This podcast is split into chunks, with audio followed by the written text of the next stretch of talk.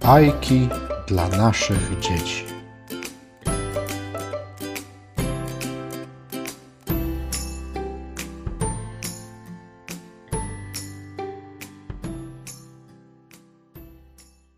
Jan Brzechwa, kaczka dziwaczka. Nad rzeczką opodal krzaczka mieszkała kaczka dziwaczka. Lecz zamiast trzymać się rzeczki, robiła piesze wycieczki. Raz poszła więc do fryzjera. Poproszę o kilo sera. Tuż obok była apteka. Poproszę mleka pięć deka. Z apteki poszła do praczki. Kupować pocztowe znaczki. Gryzły się kaczki okropnie. A niech tę kaczkę gęś kopnie.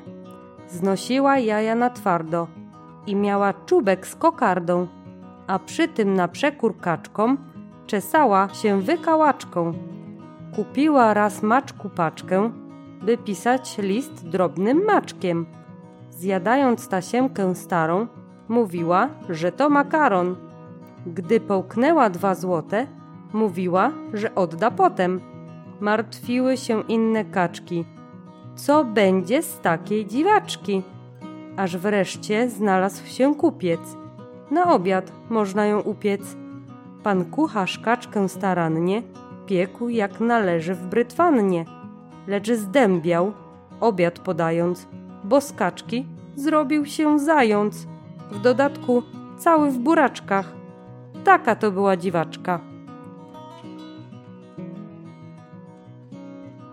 Globus. W szkole na stole stał globus wielkości arbuza. Aż tu naraz jakiś łobuz nabił mu guza. Z tego wynikła historia całkiem niezwykła. Siedlce wpadły do Krakowa, Kraków zmienił się w jezioro. Nowy targ za san się schował, a san urósł w górę sporą.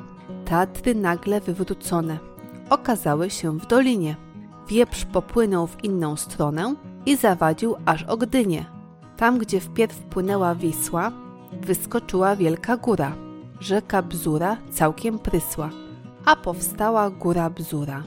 Stary Giewont zląkł się wielce i przykucnął pod parkanem. Każdy myślał, że to Kielce, a to było Zakopane.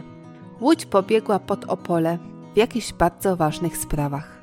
Tylko nikt nie wiedział w szkole, gdzie podziała się Warszawa. Nie było jej na Śląsku, ani w Poznańskiem, ani na Pomorzu, ani pod Gdańskiem, ani na ziemiach zachodnich, ani na północ od nich, ani blisko, ani daleko, ani nad żadną rzeką, ani nad żadnym z mórz, po prostu przepadła i już. Trzeba prędzej oddać globus do naprawy, bo nie może Polska istnieć bez Warszawy.